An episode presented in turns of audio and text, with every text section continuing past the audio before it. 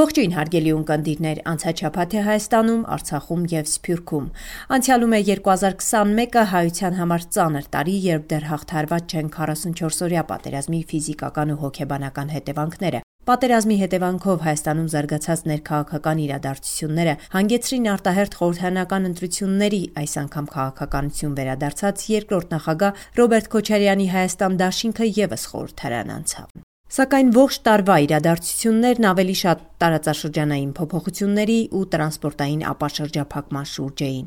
Հայաստան-Ադրբեջան-Ռուսաստան երակողմ երկրորդ պայմանագիրը կնքվեց տարեսկզբին հունվարի 11-ին, իսկ տարվա վերջին հատվածում ակտիվացավ երրորդի սպասումը։ Փաստաթուղթ չստորագրվեց, բայց որ լինելու է Հայաստանի շահերին համապատասխան, վարչապետ Փաշինյանն է ասել։ Այդ լուծումները 100%-ով ոչ թե 99 ու 9 համապատասխանում են Հայաստանի շահերին, Եվ այո, եթե Ադրբեջանը այդ պայմանավորվածությունները իրագործի եւ այն պայմաններում ինչ որ խոսել ենք, այո, ես այդ թուղթը ստորագրելու եմ։ Ապա շրջափակման հարցերով աշխատանքային խումբը մարտին պետք է ներկայացներ առաջարկների փաթեթ, բայց դրա հրապարակումն անընդհատ հետաձգվում էր։ Տարվա ավարտին հայտնի դարձավ, որ առաջարկները վերաբերում են ոչ միայն երկաթուղուն, քննարկվում է նաև ավտոմոբիլային ճանապարհների հարցը։ Դեկտեմբերին Նիկոլ Փաշինյանը Վրաստանում հայտարարեց. Հնարավորություն է առաջացել, որ Ադրբեջանի հետ կարող ենք համաձայնության գալ ավտոմոբիլային հաղորդակցության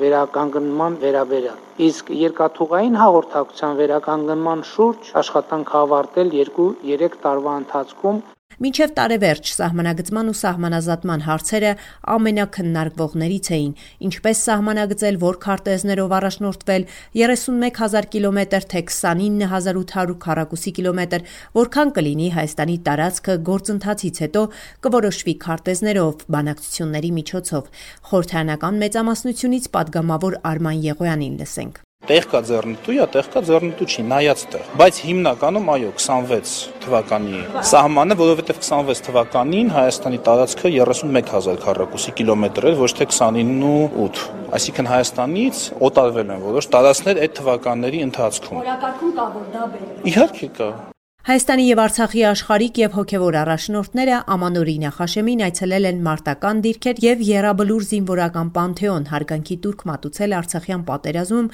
հայրենիքի պաշտպանության համար իրենց կյանքը զոհաբերած հայրենիների հիշատակին, ծաղիկներ խոնարել անհայտ կորած ազատամարտիկների հուշակոթողին։ 2022-ի նշանաբանը վերածնունդը պիտի լինի իր Ամանորյա ուղերձում ասել է Հայաստանի վարչապետ Նիկոլ Փաշինյանը։ Այս ամենն ասում եմ ի ցույց դնելու, որ վերածնունդը պետական քաղաքականություն է եւ 2022-ի նշանաբանը հենց վերածնունդը պիտի լինի։ Հույս ունեմ, որ մեր բազմաթիվ ընտանիքներում հարազատ, ընկեր, բարեկամ, նույնիսկ ծանոթ ու անծանոթ նահատակների անունները կրող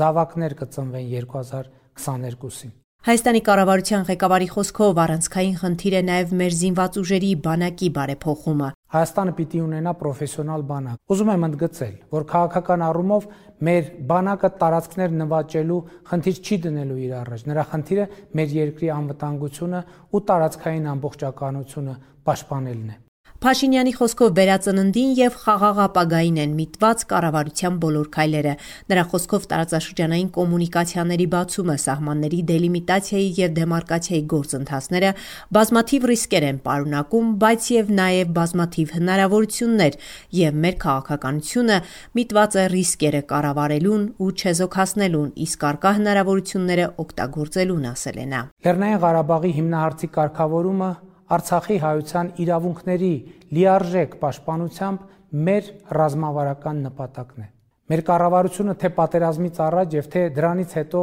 մշտապես եղել է Արցախի կողքին։ Փաշինյանը նկատել է 2021 թվականի արտահերթ խորհրդանական ընտրությունները ժողովրդավարական էին ներկայացնելով առաջիկա անելիքներն ու բարեփոխումները ամենատարբեր ոլորտներում։ Նա նաև նշել է. Հրամանորի այս ուղերձը չեմ ուզում ծանրաբեռնել լրացուցիչ տվյալներով, ոչ էլ քավլիցի,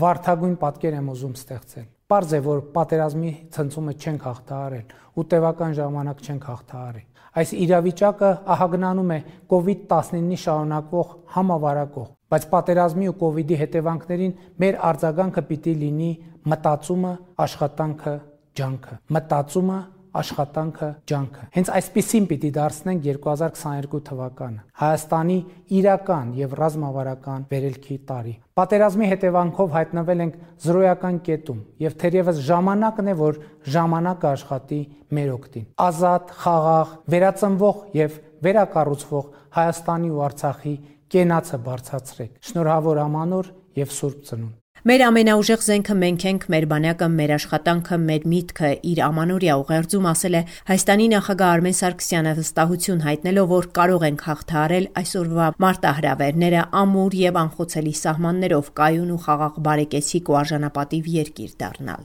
Պետք է դառնանք մրցունակ, մրցունակ երկիր օգտագործելով մեր համաշխարհային մեծ ներուժը։ Հետևաբար անհրաժեշտ է բացել հայրենիքի դռները մեր բոլոր հայրենակիցների համար Իսկ դրա համար նախ պետք է փոխենք սահմանադրությունը, որպեսզի Սփյուռքի մեր հայրենակիցները, մեր ողջ ժողովուրդը կարողանան ազատորեն մաս կազմել եւ ծառայել հայրենիքին։ Սահմանադրության փոփոխությունը կնպաստի նաեւ պետության ավելի արդյունավետ կառավարմանը, պետական կառույցների հավասարակշռմանը, ավելի ճկուն ու փոխկապակցված, ավելի հասկանալի ու պատասխանատու գործունեությանը։ Վաղ ժամանակն է գիտակցել, որ մենք ամենաուժեղ զենքն ունենք Այդ զենքը մենք ենք, մեր բանակը, մեր աշխատանքը, մեր միտքը։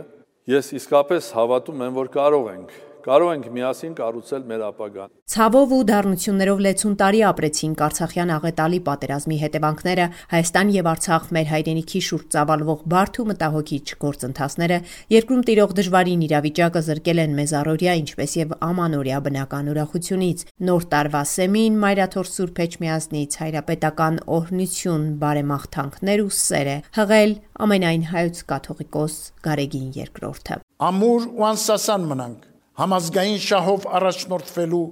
նախանձախնդրության մեջ եւ Աստված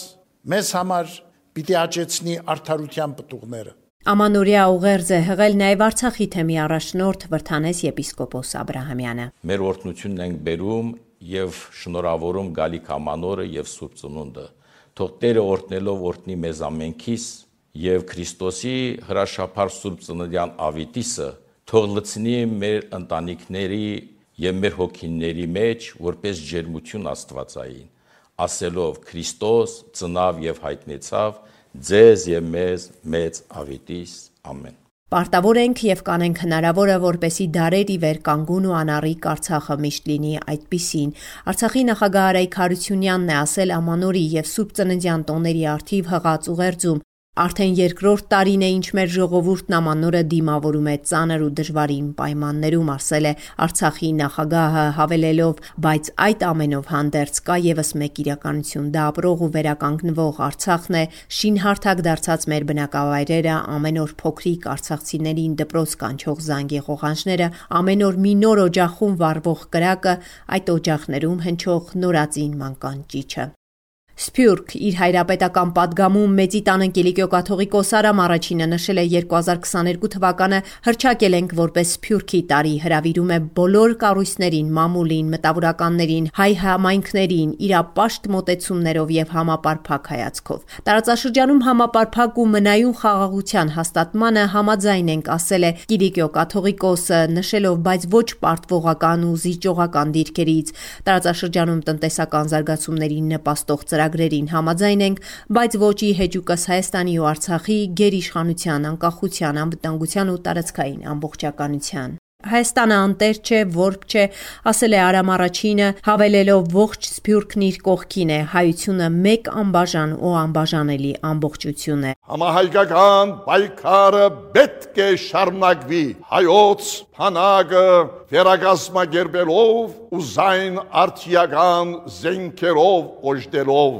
մեր սահմանները պաշտպանելով ի բանջել հարգին ժողովրդային թիմադրության թիմելով համահայկական պայքարը պետք է շարունակվի մարդունակ ոգիով փանակցություններ վարելով եւ ամախմբվելով հայրենիքի քերակույն ու ընթարական շահերուն շուրջ։ Եվ վերջում նշեմ, որ հունվարի 6-ին հայ առաքելական եկեղեցին նշում է Սուրբ Ծննդյան տոնը, որը սկսվում է հունվարի 5-ի երեկոյան, երբ աշխարհասփյուր հայկական բոլոր եկեղեցիներում մատուցվում է ճրագալույցի պատարակը եւ հնչում է Քրիստոսի ծննդյան ավետիսը. Քրիստոս ծնավ եւ հայտնեցավ մեզ եւ ձեզ մեծ ավետիս։